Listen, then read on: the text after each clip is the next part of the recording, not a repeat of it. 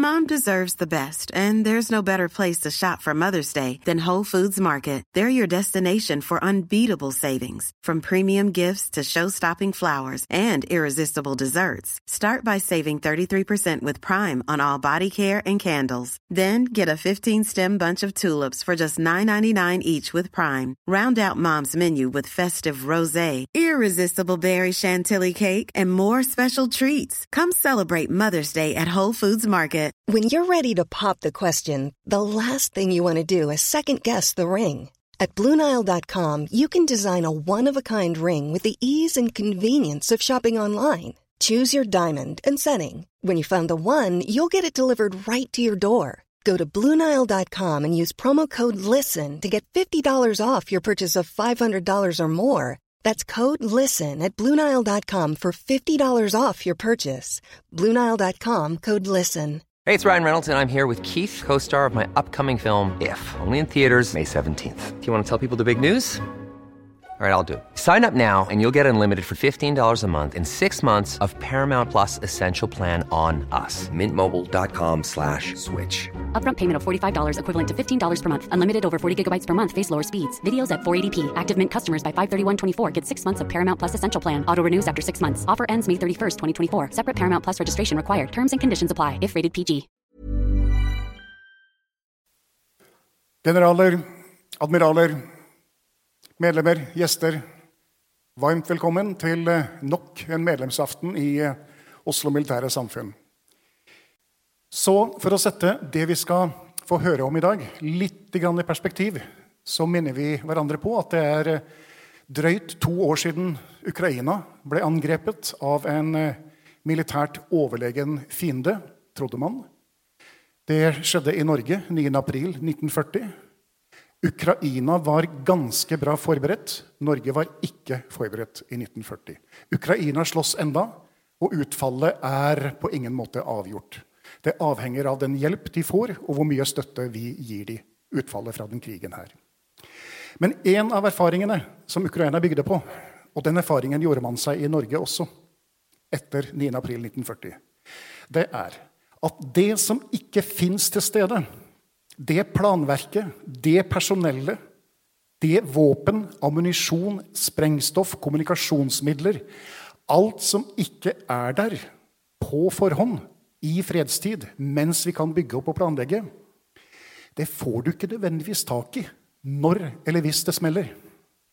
Det var, slik jeg har oppfattet dette, en god del av erkjennelsene som lå bak at en eh, håndfull dedikerte mennesker sa dette skal vi ikke oppleve en gang til. Nå skal vi være forberedt, og det må skje i dypeste hemmelighet. Nå er jeg et godt stykke på vei inn i foredraget, så Geir Adil Høyland og Torstein Bjørland har som sagt skrevet et epokegjørende verk om Stay Behind. Og eh, jeg eh, har forstått at en kort innledning fra deg først, og så sier jeg bare talerstolen og forsamlingen er deres. Vel møtt, og vær så god. Etter 32 år i skolen så hadde jeg aldri behov for noen mikrofon. Men eh, før jeg slipper Geir Arild til, så har jeg en liten appell, eller et lite ønske. Og det har sammenheng med at i 1978 så sto min svigerfar på denne talerstolen. Eh, storsabotøren Per Rød snakket om Milorg i krig. Og han hadde et viktig budskap, nemlig at Milorg er et ektefødt barn av hæren.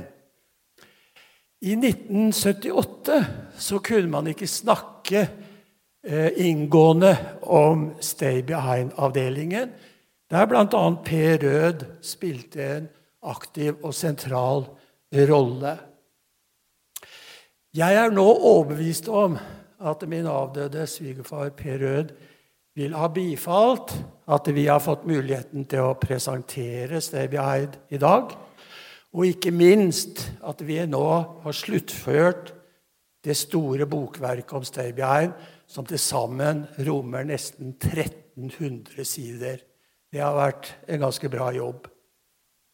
Eh, og dette bokverket det viser også med all tydelighet at Stay Behind-avdelingen i Norge var også et ektefødt barn av Hæren. Og nå kommer mitt ønske, at jeg håper at Stay Behind får en sentral plass under markeringen av Hærens 400-årsjubileum, som er like om hjørnet, faktisk. Og at SB, altså Stay Behind-veteranene som gruppe, får sin velfortjeneste hyllest både av politiske og militære myndigheter. Det håper jeg endelig. Så det var mitt lille appell og ønske. Så nå kan du fortsette uten mikrofon, du.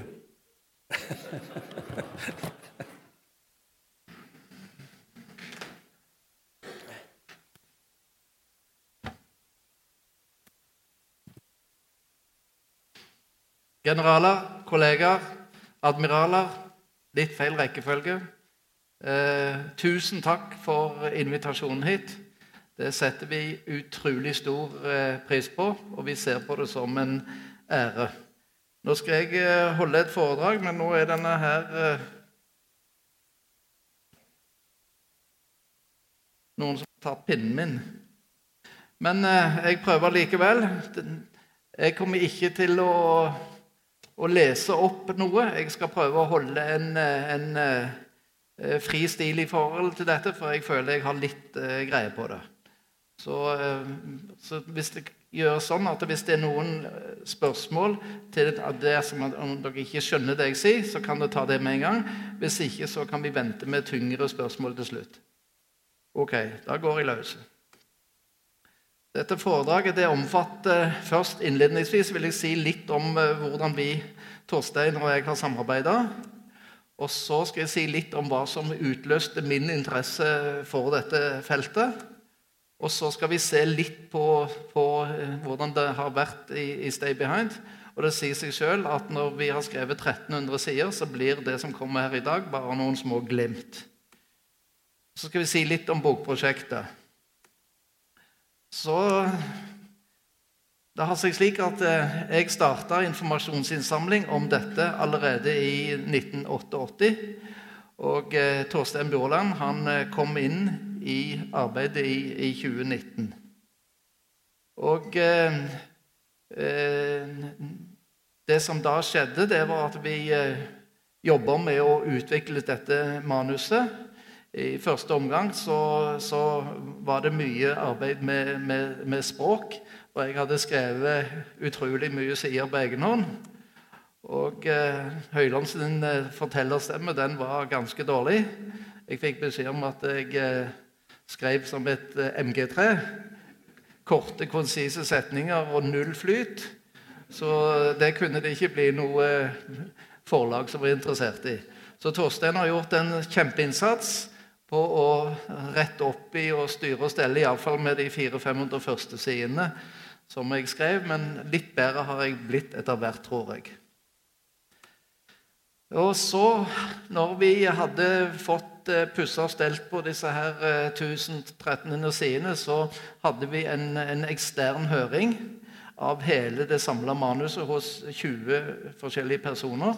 Og det var både eh, militært personell fra forskjellige gradssikt helt til, eh, til, general, men òg vanlige sivile personer, for å få liksom, det perspektivet med tilbakemeldinger fra vanlige folk, hvorvidt at dette var lesbart, at det ikke var for mye stammespråk, og at det var, liksom, gikk an å, å, å, forstå hva vi prøvde å fortelle.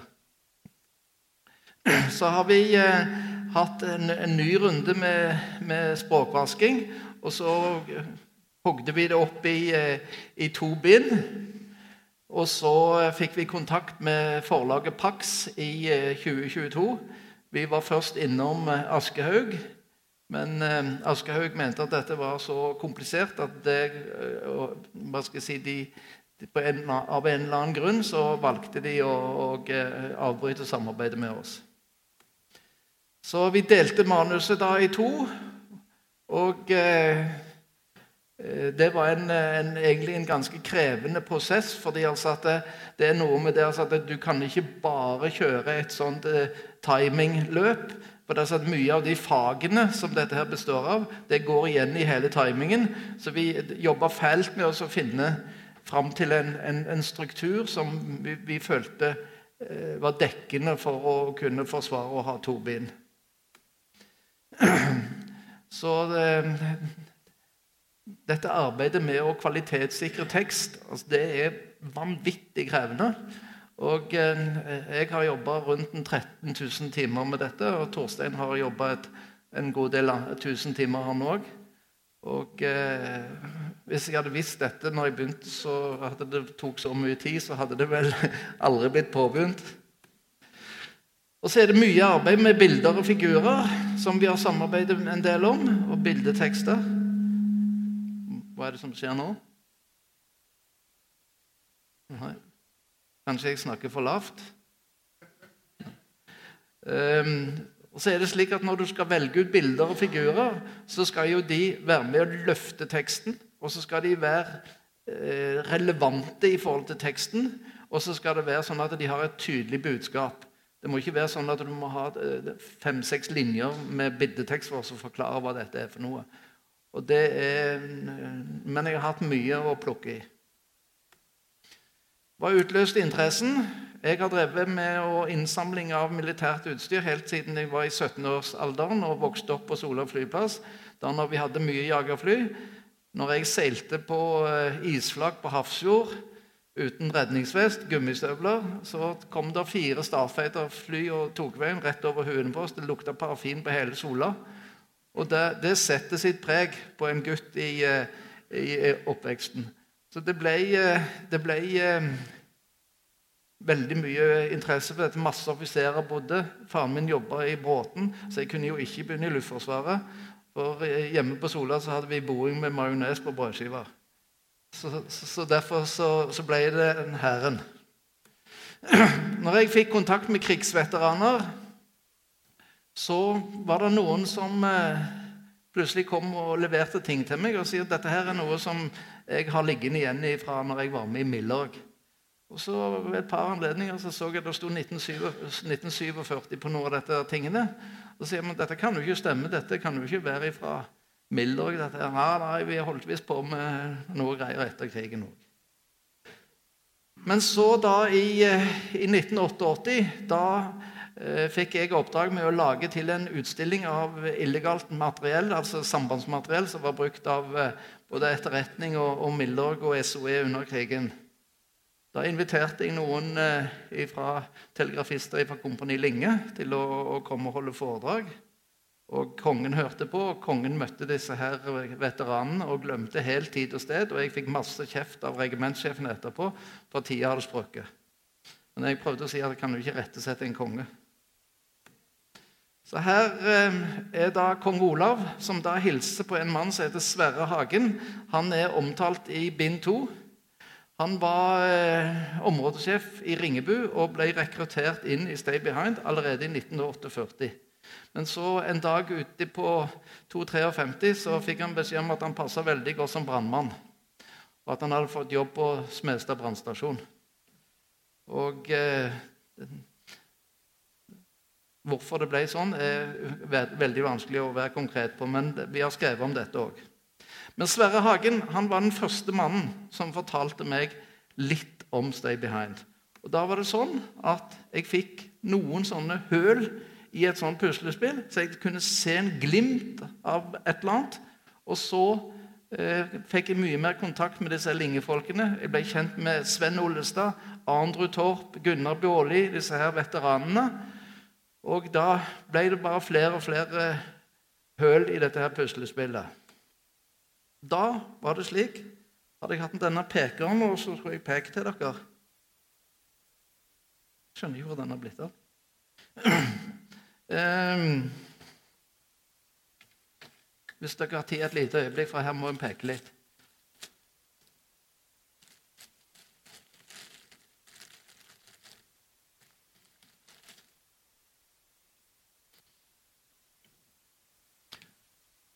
Det starta da med kildestudier. Og det kunne være historier som, som, disse hadde fortalt meg, og selvfølgelig bøker som var gitt ut. Og Så starta jeg med å analysere kvalitetssikre dette, prøve å sette det sammen. Og Så ble det produsert tekster. Og så, eh, etter hvert som jeg, dette ble kjent rundt forbi at jeg holdt på med det, så ble jeg spurt om å holde foredrag. Og Gjennom de foredragene så kom jeg i kontakt med nye informanter, folk som hadde vært med i Stay Behind, og noen av dem hadde òg dokumentasjon. Og Så eh, var jeg av gårde og intervjua disse. Og det ble jo inn i disse kildestuene igjen. Så Sånn har denne her løypa gått i mange år. Og hele veien å utvikle det som da er tekstene, som er grunnlaget for, for bind 1 og bind 2. Så er det sånn at eh, i media så er jo eh, Stay Behind stort sett gitt ganske mye negativ omtale. Og Det det går på, det er at det er utenfor politisk kontroll. Og eh, Alle som sitter i salen her, vet jo det at hvis en skal opprette eller nedlegge en militæravdeling, så skal det til Stortinget. Men hvis en hadde brakt eh, dette med å opprette Stay Behind inn i Stortinget, så kunne en lagt det ned dagen etterpå. Og Da hadde det vært helt uh, umulig å holde det skjult. Og Så går det òg på at det, mange mener at britene kunne aktivere Stay Behind-agenter og nettverk bak norske myndigheter sin rygg, fordi at en del av planverket var deployert i Storbritannia. Og Hvis ikke planverket hadde vært deployert i Storbritannia, og det hadde vært tapt på veien i en krisesituasjon, så hadde hele Stay Behind vært totalt bortkasta. Da hadde han iallfall ikke klart å få til noe. Så det var en god militær plan å eh, ha en deployering, men under kontrollerte former. Så er det òg at det var utenfor lov og regler. Jeg husker Sven Olestad sa til meg i 1950 Geir, vi venta krig hver eneste dag i morgen. Vi kunne ikke sitte på kontorene og kokkelere over og lese direktiver for det ene og det andre. Vi måtte ha en praktisk tilnærming, og så måtte vi få opp en beredskap. Og det var det vi satsa på. Vi brukte folk som kunne noe, og vi brukte det utstyret som vi fikk tak i, og hadde en fleksibel, praktisk tilnærming. Så er det òg noen som har hevda at, eh, at, utviklingen og driften av nettene har vært eh, for stor innflytelse fra britene og eh, amerikanerne. Og til det er det å si at ja, både briter og amerikanerne har har deltatt i konferanser og øvelser og sånt i, i, eh, i Norge, i Stay Behind. Men Evang var knallhard i sin tid med å holde orden med at ingen skulle prøve å styre hvordan det norske Stay Behind skulle være. Men det som er tilfellet, det er at når Stay Behind-agentene har lest eh, avisartikler og bøker, og ditt og datt, så føler de at de har vært med på noe som bare har vært rakka ned på. Og de kjenner seg ikke igjen i det hele tatt. For det, det de har vært med på, det har de sett på som en patriotisk virksomhet, og som de følte foregikk veldig ordentlig. Og det er litt eh, trist å tenke på at de skal sitte igjen med en sånn bitterhet. Så når jeg gikk løs på dette, så var det slik at det var jo gjennom disse foredragene så kom folk og spurte om jeg ikke kunne skrive en bok om dette. For det, det var eh, Første gang de skjønte egentlig hva dette her egentlig gikk ut på. Og så skjønte jo jeg òg at dette er forferdelig vanskelig, så jeg var ganske skeptisk. Både fordi det var vanskelig, og òg fordi altså at det, eh, et så sensitivt område Hvis du begynner å skrive om det, så var jeg redd at, at jeg skulle bli stempla som en quisling i Forsvaret. Men ettersom jeg hadde gjennomført en del foredrag og så bare mer og mer av denne bitterheten, så ble jeg eh, motivert til å gå løs på det. Så Da var det to store trær i skogen. Det var å hedre, og så var det å fortelle historien så grundig at ryktemakerne hadde mye mindre spillerom. Og Da må en fortelle både i bredde og i dybde og såpass detaljert at eh, det er vanskelig å dikte opp historier. Så skal jeg si litt om eh, den første tiden. Eh, like etter krigen så, så ble det på en måte en, en, nærmest en sånn sikkerhetspolitisk vakuum. En var usikker på om en skulle ha en nordisk uh, allianse, eller om en skulle ha henvende seg vestover. Det, det, Arbeiderpartiet var nok delt i dette synet. Men etter hvert som et par år gikk, så begynte en å dra mer og mer i, i vestlig retning. Og så er det et faktum at kommunisten hadde forholdsvis stor innflytelse. De hadde elleve representanter på Stortinget i, eh, i, det første stortingsvalget. Og i Nord-Norge, så spesielt i Finnmark, så sto kommunisten veldig sterk eh, rundt Sør-Varanger. Så det endte opp med altså at veldig mange mente at det var usikre på om regjeringen var i stand til å håndtere denne nye sikkerhetspolitiske situasjonen. Og det som De gikk på, det at de mente at de eh, var ikke i stand til å trygge verken demokratiet eller norske borgere sine liv. Men eh, da når, når eh, Gerhardsen holdt denne Kråkerøy-talen, og så i 1950 så ble det lagd fem nye beredskapslover som ga norske myndigheter mye større lovlig rett til å, å, si, å drive med med aktivitet som gjorde det mye verre å drive med fiendtlig illegal virksomhet i Norge. Så Pga. den situasjonen da, så ble det faktisk oppretta 20 forskjellige paramilitære hemmelige virksomheter i Norge. Og eh, det, er jo, det, er jo, et resultat av at det var en del eh, famling de første årene. Og Den største av disse det var denne såkalte Plato Lien-gruppa, kalt eh, femmannsgruppa.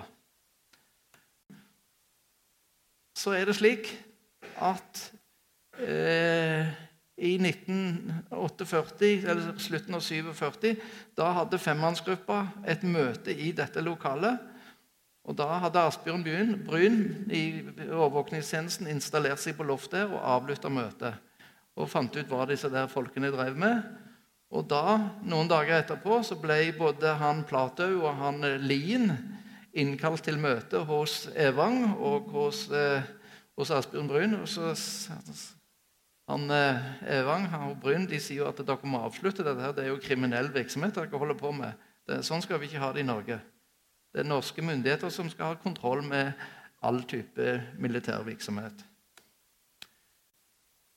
Men så er det, han Evang han var en fantastisk eh, fyr. Han var jo plukka ut til å bli E-sjef av han eh, artilleristen Roger Lund, som var etterretningssjef under krigen. Det som kjennetegnes Evang, det er at han var ganske smart. Så hadde han et pragmatisk syn, og så trengte han ikke være venner med de andre generalene. Det brydde han seg ingenting om. Og, og, og det gjør sant, at han da han, på dette møtet så sier han ja, Eh, dere har gjort veldig mye bra, så jeg overtar dette her. Og så vet jeg at dere har 300 000 på konto. De skal jeg òg ha. Men dere skal få være med og utvikle dette videre. Og alle var glade og fornøyde.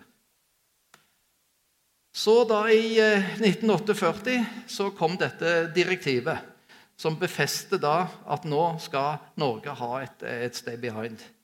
Og når en ser de folkene som er med der, så er jo dette folk som har vært i England. og eh, En av dem, han, Nordli, han ble jo sjef i Rock senere.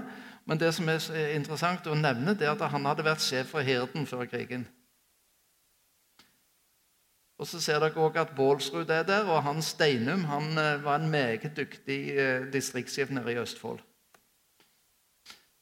Så Det som da er grunnlaget for opprettelsen av Stay Behind, det som har vært drivende, det er jo situasjonen sånn som man var i Europa. og En venta nærmest krig hver dag. Og en visste, som Bjørn var inne på, at det nytter ikke å sitte og tvinne tommeltotter og så prøve å bygge opp noe når landet er okkupert på nytt. For det hadde en prøvd, og det, da gikk det masse folk. Så det er Altså, det som er her i Norge, det er tufta på de erfaringene som vi hadde her i Norge. Men den største driveren, det er jo det en lærte under de fem årene i England. For britene de hadde sitt eget stay behind allerede i 839.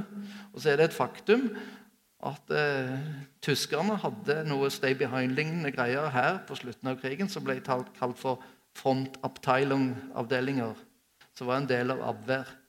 Så det er, noe, det jo ikke noe oppfinnelse som verken Jens Christian Hauge eller noen andre norske har funnet på. Dette er tufta på tradisjon før krigen.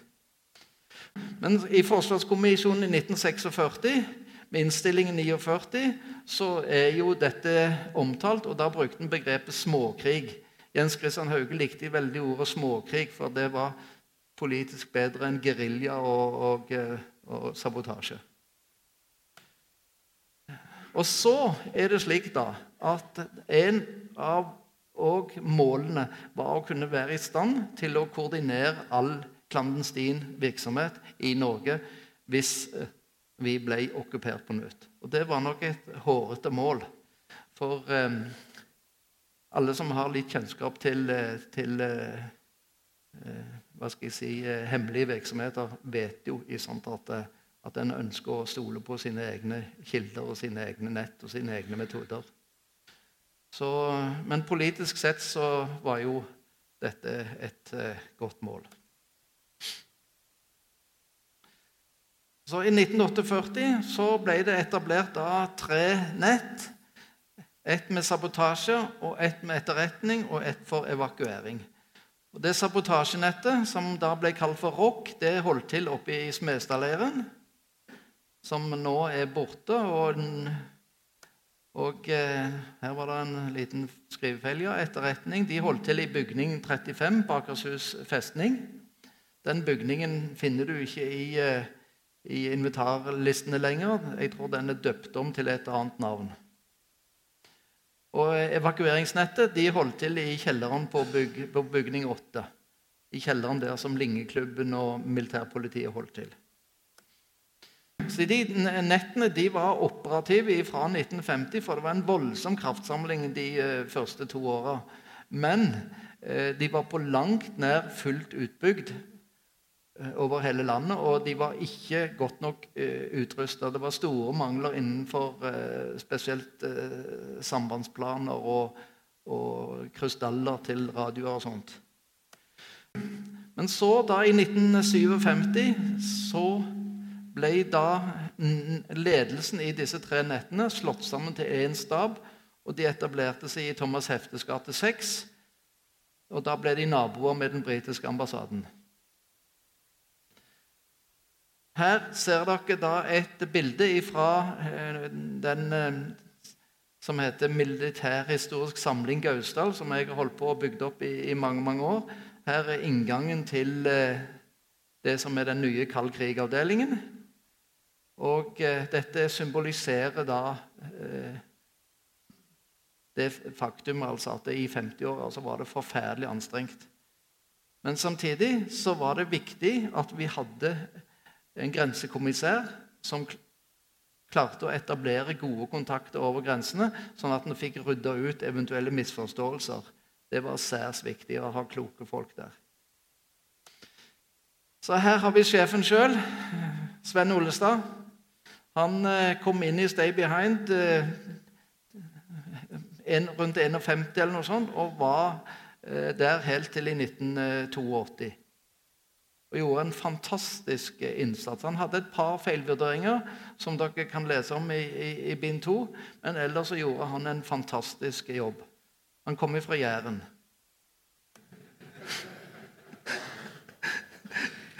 Så skal jeg si litt om, eh, om grunnprinsipper for, eh, for, sikkerhet. For dette, det, En Stay Behind-organisasjon det er noe annet enn et infanterikompani.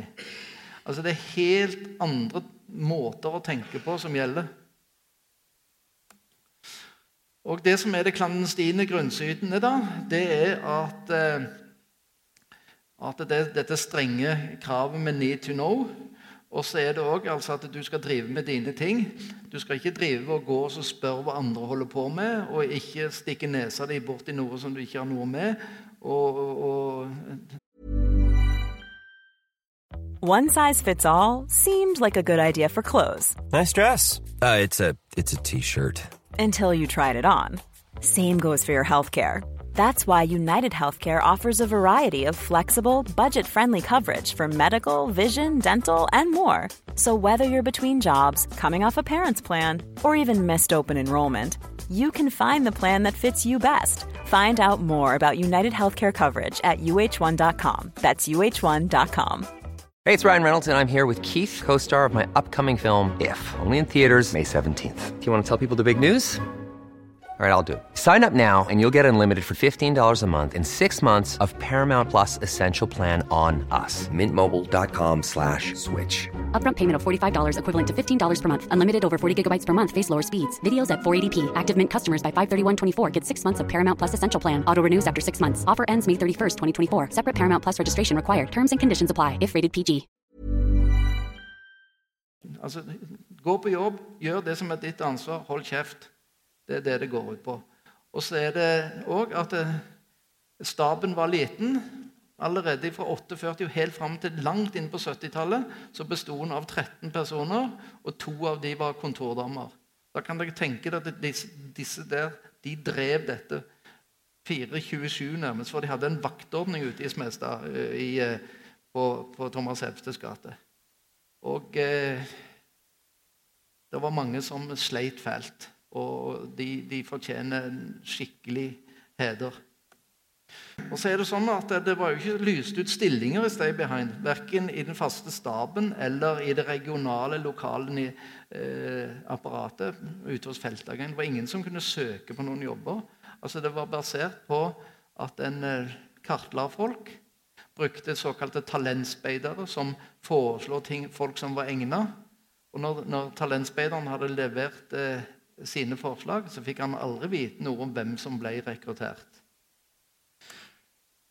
Hadde, hvert nett hadde sin egen samarbeidsorganisasjon for å hindre at det skulle bli noe samrøre på tvers av nettene. Så Trådene de møttes ikke før i toppen. Så når eh, Ollestad hadde sjef, møte med sjefene samla, så var det stort administrative ting som ble diskutert, og rene sånn fellesfag, sambandssanitet og, og den slags ting. Altså Det som foregikk ned i nettene, det ble aldri diskutert på fellesmøter.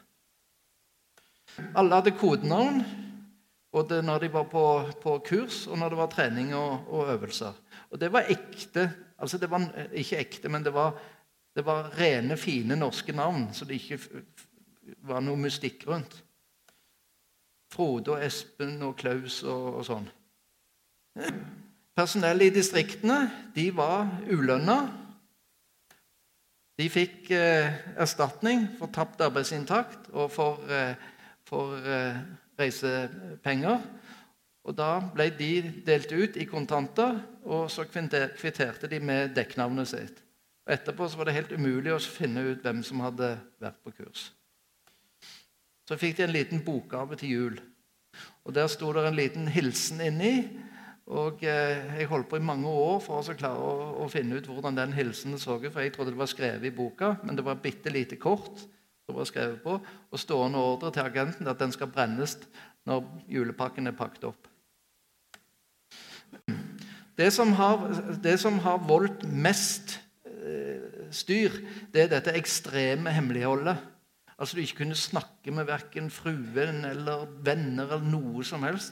Og du, du, mange følte at de måtte lyge. for eh, en, Jeg har intervjua en religiøs mann nede i, eh, i, i Egersund som jeg skrev om i boka. Han, han, han var religiøs, og han, var den, han mente sjøl han var den største løgneren i hele Egersund. Og, og det, sånn sliter. Så det jeg skal si nå, det er det en Stay Behind-agent på Lillehammer som uh, har fortalt. Rolf Kjernsli heter han. Et uanselig menneske som aldri stikker seg fram. Han er fornøyd med lite. Han er en skikkelig smarting, men har ikke noe behov for å vise dette. Han er både fysisk og psykisk sterk. Han er villig til å gi, ta liv og gi sitt liv hvis det, hvis de kommer i en sånn situasjon. Da skal jeg gå over til å snakke om nettene. ROC, det er sabotasjenettet, de skulle gjennomføre offensive oppdrag i okkupert eh, område. Og Det de gikk ut på, det var å kunne da gjennomføre operasjoner mot eh, fiendtlige mål og mot nasjonal infrastruktur. For en okkupant han vil jo selvfølgelig utnytte norsk infrastruktur for å skape seg både varer og tjenester som da gir, eh, sørgde for at han fikk mer militærmakt. Men altså, for eksempel, hvis vi snakker om, eh, om, eh, om Raufoss eh, ammunisjonsfabrikk eller Kongsberg våpenfabrikk.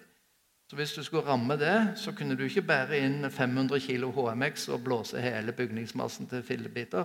Det var om å gjøre å finne ut akkurat de kritiske punktene som du kunne ta og ødelegge med lite sprengstoff, men som det tok veldig lang tid å reparere.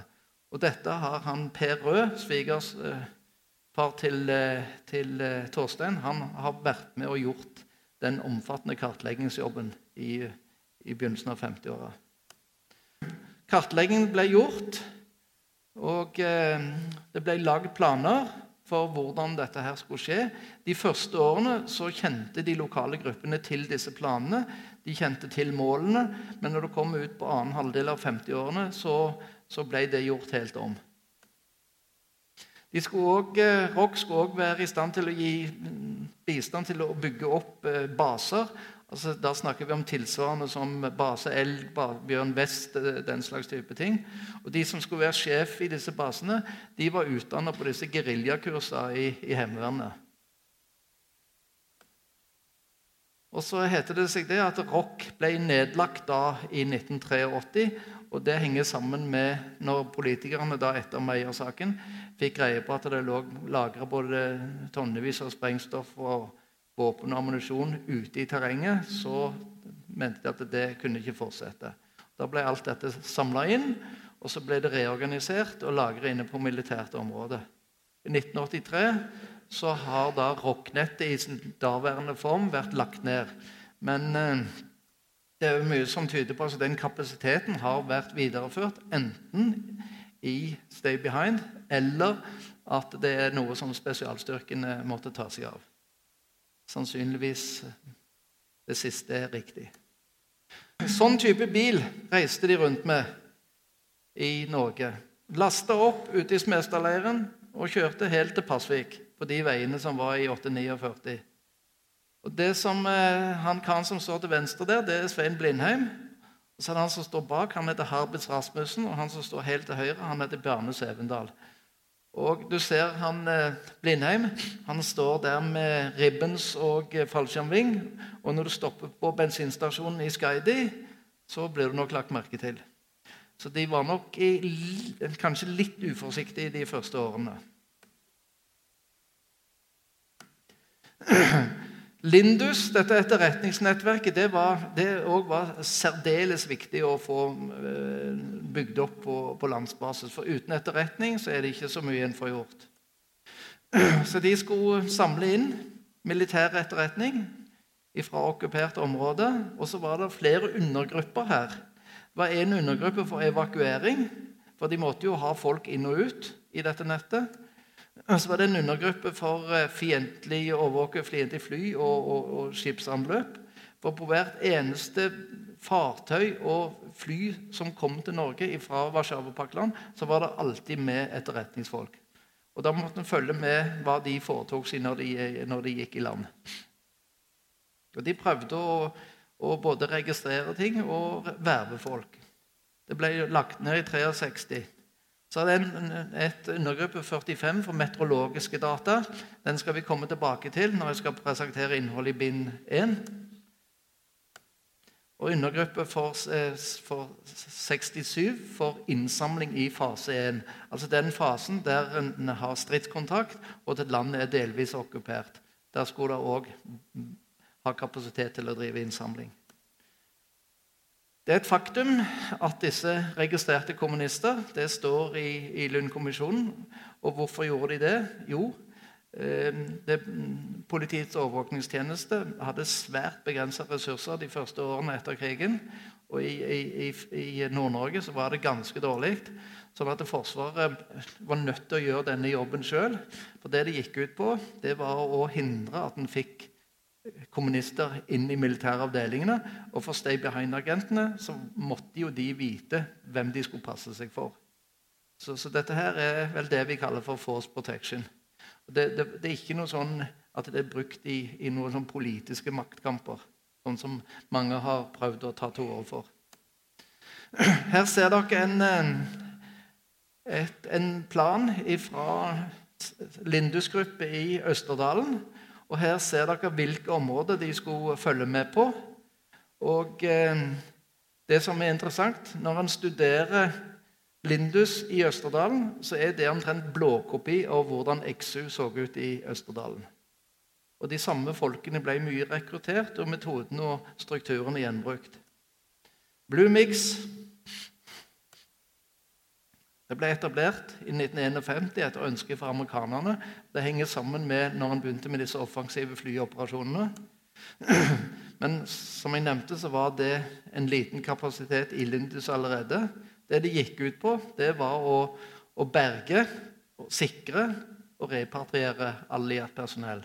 Så der måtte en ha kapasitet til både eh, si, livreddende behandling og transport og, og sikring av å ha tilgang til mat og nye klær og det ene med det andre. Så det de gikk mye på, det var hovedfokuset var å berge havarerte flymannskaper. Men de skulle òg kunne støtte innsetting og uttrekking av, eh, av eh, spesialstyrker. Så skulle de òg kunne frakte post og eventuelt materiell ut. For på denne tiden her, når hun fikk tak i f.eks. En, eh, en operasjonsplan fra fienden, så, så, den gikk ikke an å sende på radio. Den måtte fraktes ut på en annen måte. Så den måten dette har foregått, så er det da det er fly, og så er det overflatefartøy, undervannsbåt, og så er det å gå til fots. Samme som det, det identisk med sånn som det var under krigen. Her skal dere se, som er spenstig. Her ser dere en, en, kar som sitter her i en sånn sele. og så er Den forbundet med ei line som går opp der. Kommer flyet med en krok her, fanger lina, og så kan gubben forsvinne inn døra. Det, det, dette er den første generasjonen av det som kalles for skyhook. Og Den senere generasjonen har det vært øvd med i, i Norge på, inne på, på Hjerkinn-platået i forbindelse med disse her geriljaøvelsene. Men da var det ikke folk i selen. Da var det sandsekkere i selen. Jeg kjenner mange som har vært med på dette. Men det som jeg sier at, at dette ser jo risikofullt, men hvis eh, da skal jeg si sovjetiske styrker står her, så er vel valget enkelt. Argus det ble formelt etablert da i 1974, men det var basert da på den der gruppa som var i Lindus. Og Det som er, er spesielt, det er at de skulle ikke drive med bare etterretning, sånn som det har vært skrevet i eh, mye bøker tidligere, men de skulle òg drive med offensive operasjoner. I angrepsfasen og i en delvis okkupasjonsfase. Så de var helt avhengig av å, ha kontroll på, på fiendtlig taktikk og, og fiendtlig eh, avdelingsstruktur og kallesignaler og, og radioprosedyrer. det ene mannet. For det, De som ble rekruttert inn i disse her eh, Argus-gruppene, en god del av de var faste ansatte ute på etterretningsstasjonene. Og mange av de kunne jo både telegrafi og russisk. Og Hvis en da kunne gå løs og, og ha litt avlutningshus til å finne ut hva som foregikk på de administrative nettene, så fikk en greie på mye. Så vil jeg si litt om hvordan dette her prosjektet er forankra. Det ble diskutert med Arnfinn Moland i, eh, i, 2012, og han mente det var et godt prosjekt. Så er det forankra hos eh, sjef E i uh, juni 2015, og han Eh, kom med noen formaninger, men eh, syntes det var greit at en fortsetter med dette. Han mente det var et, et greit prosjekt. Så I januar 2022, 2022 da leste Forsvarsdepartementet gjennom hele manuset. Og De brukte én måned å lese. Og når jeg ble kalt inn igjen, så eh, vi, Både Torstein og jeg var til stede når eh, sikkerhetspolitisk avdeling spurte om de kunne få lese det. Og både Torstein og jeg var vel enige om at det var en, en god idé.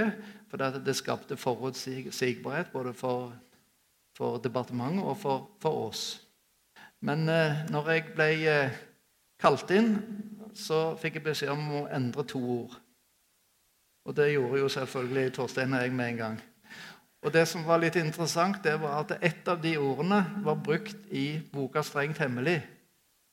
Men det tørde jeg ikke å si. Så jeg har lagt vekt på å holde tett dialog i hele denne prosessen med både relevante virksomheter og med kompetent personell for å teste ut at de analysene og vurderingene og de eh, konklusjonene og parallellene som du trekker, at de holder mål. Og Det er veldig lett å overtolke informasjon for å få det til å bli veldig spennende. Og det, da, da er en på ville veier. Det, det, som har vært viktig, det er ansvarlighet. Og så er det å jobbe grundig. Og så er det å følge anerkjente forskningsmetoder og bruke den tiden det tar. Det er mange som har pesa på og sagt at det blir aldri noe bøk. Det er bare tøv, det dere holder på med. Det tar altfor lang tid. Så da når jeg åpna denne her eh, nye utstillingen i kald krig. Da kom, Før jeg åpna det, så måtte jeg vise det fram, sånn at jeg eh, ikke viste fram noe som ikke skulle vises fram.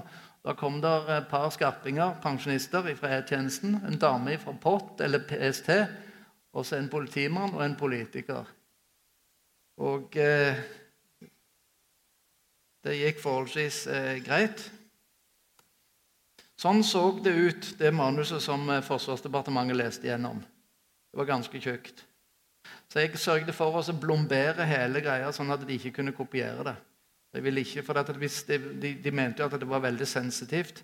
Og hvis det er sensitivt, så må en jo ha kontroll på spredningen. ikke sant? Ja, De var litt uh, sure for det. Skal vi se litt på kilder. Det er brukt 240 eh, bøker og rapporter og masse reglementer, spesielt utenlandske reglementer mye amerikanske reglementer, avgraderte reglementer. Og eh, jeg får til, eh, eller vi har fått tilgang til masse avgraderte dokumenter fra Forsvaret. Eh, fra dette arkivsystemet oppe på, på Lillehammer. Så er det gjennomført 69 intervjuer med Stay Behind-folk. Ekte Stay Behind-agenter. Og det har vært 44 samtaler med relevante personer. Noen av de stay behind-agenter, men altså de har ikke villet la seg intervjue og ta opp på, på tape sånn. Så det, eh, har vi mottatt 18 skriftlige bidrag fra personer som har støtta oss med tekst. Og så er det da Helge Reis Andersen sitt eh, arkiv. Og så er det arva general Torkil Torkel Hovland sitt arkiv den dagen han gikk bort. og fikk et brev fra en advokat om det. Og så er det Per Rød sitt arkiv, som da eh, gikk mye på, på krigen, men òg en del fra hans tid i, i Stay Behind. Så hvis dere ser på denne figuren her nå så den, blå, den, den røde boka som ligger nære den omhandler det som er her, altså perioden fram til 1957. Og den blå den omhandler perioden her i 57 og fram til 1990. Og eh, hvis en skal trekke fram noe vesentlig her, så eh, er det da denne skyggeorganisasjonen som ble etablert og en, en, en, de hadde òg en, en, støttevirksomhet. Og den skyggeorganisasjonen den, den, den, skulle overta ansvaret for stedlig drift her i Norge når den faste Stay Behind-staben evakuerte til, til, utlandet. Da skulle den tre fram. Og det er rene tilfeldigheter Altså at vi oppdaget dette. Det var et papir som han Per eh, Rød hadde, hadde gjemt inni ei bok. Han Påstein satt og studerte disse bøkene, plutselig datt det ut en lapp av denne boka. Og Det var det som avslørte dette. Så begynte vi å bore mer i det og fant ut mer og mer. Og det er jo helt logisk. Og det er jo sånn som Gro Harlem Brundtland, Du kan ikke lede Norge fra en telefonkiosk i Amerika. Så det er jo samme, altså Du må ha en, en ledelse på bakken. Så skal vi si litt om viktige funn. Men først så må jeg si det at eh, selv om vi nå har skrevet 1300 sider om dette, så ikke, betyr ikke det at det er den fulle og hele sannheten.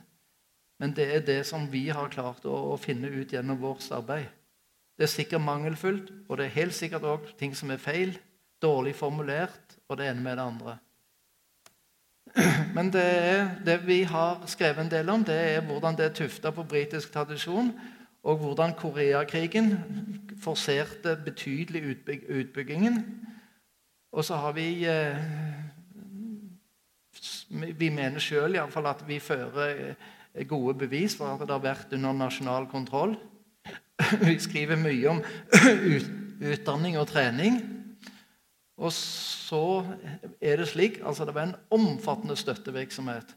Han, eh, en, en, som har skrevet bøker om Ragnar Ulstein, han skriver at for hver SIS-agent som var i Norge, så var det i gjennomsnitt 15 nordmenn rundt den som støtta han. Og så Den støttevirksomheten som har vært i Stay Behind, den har vært stor. Men i, i, i fredstid så har det bare vært et sånn skranglete skjelett utover eh, bygdene. Som skulle bygges på da når, eh, når det smalt. Og så er det et faktum at det er betydelig gjenbruk av strukturer og personell fra krigen. Så skriver vi en god del om hvordan eh, Blue Mix skulle bistå og støtte og trekke ut eh, flymannskaper i forbindelse med disse offensive flyoperasjonene som vi holdt på med på, på slutten av 50-tallet innover i 60-tallet. Der faktisk norske jagerfly var rigga for å fly atombomber både nedover i, i, på, på, i de baltiske statene, Øst-Tyskland, Polen og ikke minst innover mot Murmansk. De atombombene de var fire ganger så store som de som ble sluppet i, i, Japan i høsten i 45. Når jeg fikk tak i disse dokumentene som jeg leste om dette, da var jeg helt sjokkskada for hvordan en fredsnasjon kunne finne på noe sånt. Men etter hvert som jeg hadde tenkt på det i to dager, og når jeg innså at hvis vi ikke hadde gjort dette, så hadde vi ikke klart å ta ut nok kampkraft, sånn at Norge hadde blitt okkupert lenge før vi hadde fått forsterkninger fra de allierte. Da syns jeg det var helt greit. Så er det også et faktum at Selma Nilsen han kartla omtrent alt som fantes av militær infrastruktur i hele Nord-Norge, faktisk også Håkonsvern. Og eh, han hadde sine informanter rundt forbi. Og eh, de informantene de fulgte jo med på for hver eneste fremmed menneske som kom inn i Nord-Norge. Det var forholdsvis oversiktlig Eh, situasjon i de første årene utover i 50-åra. Så en skal ikke se bort fra at Selma Nilsen har funnet ut hvem som kan ha vært med i, Stay Behind. Men det som iallfall er sikkert, det er at Warszawapakten visste at det fantes eh, Stay Behind-avdelinger i eh, Nato-land. Og Det hadde han Pim Filby oppdaget i Tyrkia, og en, en tysk SS-offiser eh, fortalte om dette under ed i Tyskland i, i de par og 50. Om at han var med i ei, gruppe som var finansiert av amerikanerne. Da har jeg vært inne på dette med de offensive flyoperasjonene. Det som jeg kan si i tillegg, det er at meteorologi var svært viktig på den tiden. For når flyveren som skulle release denne her bomba, han måtte se målet og så, når han fløy inn så lavt Det var snakk om 20 meter over bakken innover Finnmarksvidda og innover i, i, Murmansk. Og da må du se bakken. Så må du vite når du skal release bomba. Men eh, det som var problemet, det er at når han hadde releasa bomba, så hadde han ikke fuel til å komme tilbake til basen. Så da enten ble han skutt ned, eller så klarte han kanskje å komme til Sverige eller Finland og lande der. Viktige funn bind to. Truslene utvikla seg jo etter hvert som, som en fikk ny teknologi. Så er det et faktum at Warszawapakten lå foran Vesten i teknologi, spesielt på SIGINT i årene etter krigen. Og eh, Det har medført at en var i stand til å kartlegge mye av sambandsnettverkene. Vi skriver, eller ikke vi, vi har eh, en eh, eksoffiser som heter Jordskogen, som har skrevet tolv sider om det juridiske grunnlaget, som er veldig interessant for hva som lover og regler som gjaldt for, gjaldt for stay behind-agenter. Og så har vi skrevet ganske mye om to eh, lagerfunn. Ett i Rogaland i 1973, og det store eh, funnet da hos Meyer i 78. Det som eh, skiller disse to, det er at i 73 så klarte han å true media til taushet med å dra fram spionparagrafen. Men i 78 så, så gikk ikke det. Og så har det vært en del utfordringer knytta til rekruttering. En var uheldig med et par personer i den øverste ledelsen som skapte en del problemer. Men det viktigste som vi faktisk fant ut i fjor sommer, det var at i slutten av 60-år, litt innover i 70-åra så ble hele det gamle Stay Behind hogd opp i, i to deler. Og både britene og amerikanerne hadde da mista troa på det opprinnelige eh, Stay Behind-systemet pga. at det var ikke eh, egna i forhold til å håndtere moderne trusler og innslag av, av terror. Sånn at Da ble det delt opp i to deler. En del med kort beredskap og en som ligner mer på det gamle Stay Behind. Så skriver vi agentene for mange sider der de forteller sine historier. Noen med fullt navn, noen med faka navn. Og òg eh, hustruer og barn og forteller hvordan de har opplevd å vokse opp i familier med Stay Behind-folk. Så skriver vi òg mye om eh, samarbeid Stay Behind har hatt med andre aktører. og Da snakker jeg om både andre militære avdelinger, men òg eh, rene sivile aktører. Så skriver vi en del om hvordan teknologien har vært en endringsdriver. og Da ser vi på det i forhold til hvilke fordeler det ga for, fordeler og det ga for Stay Behind, og òg for Warszawapakten. For å veie dette opp imot hverandre. Og så er det jo slik at eh, samband var det som på en måte var hjerte- og blodsystemet i Stay Behind. Uten samband så fikk en ikke gjort mye. Så Derfor så skriver vi ganske mye om det, og ikke minst om de truslene som, eh, som eksisterte der. Og det er veldig interessant å, å, lese. Det jeg kan si, er at mye av disse her telegrafistene som, eh, som har vært eh, telegrafister i Stay Behind, som jeg har intervjua, de visste ikke at de kunne peiles.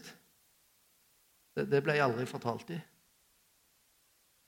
Og Sånn var det òg under krigen. SOE-agentene visste heller ikke at de kunne peiles.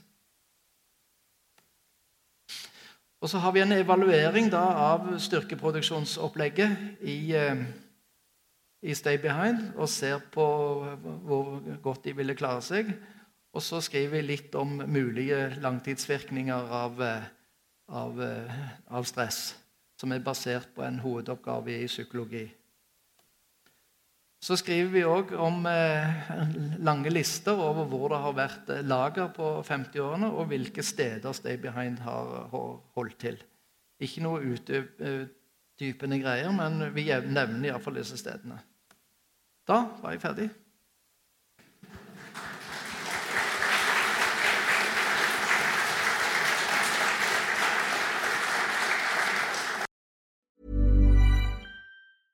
Mom deserves the best, and there's no better place to shop for Mother's Day than Whole Foods Market. They're your destination for unbeatable savings, from premium gifts to show-stopping flowers and irresistible desserts. Start by saving 33% with Prime on all body care and candles. Then get a 15-stem bunch of tulips for just $9.99 each with Prime. Round out Mom's menu with festive rosé, irresistible berry chantilly cake, and more special treats. Come celebrate Mother's Day at Whole Foods Market. Planning for your next trip? Elevate your travel style with Quince. Quince has all the jet setting essentials you'll want for your next getaway, like European linen, premium luggage options, buttery soft Italian leather bags, and so much more. And it's all priced at 50 to 80% less than similar brands. Plus, Quince only works with factories that use safe and ethical manufacturing practices. Pack your bags with high-quality essentials you'll be wearing for vacations to come with Quince. Go to quince.com slash trip for free shipping and 365-day returns.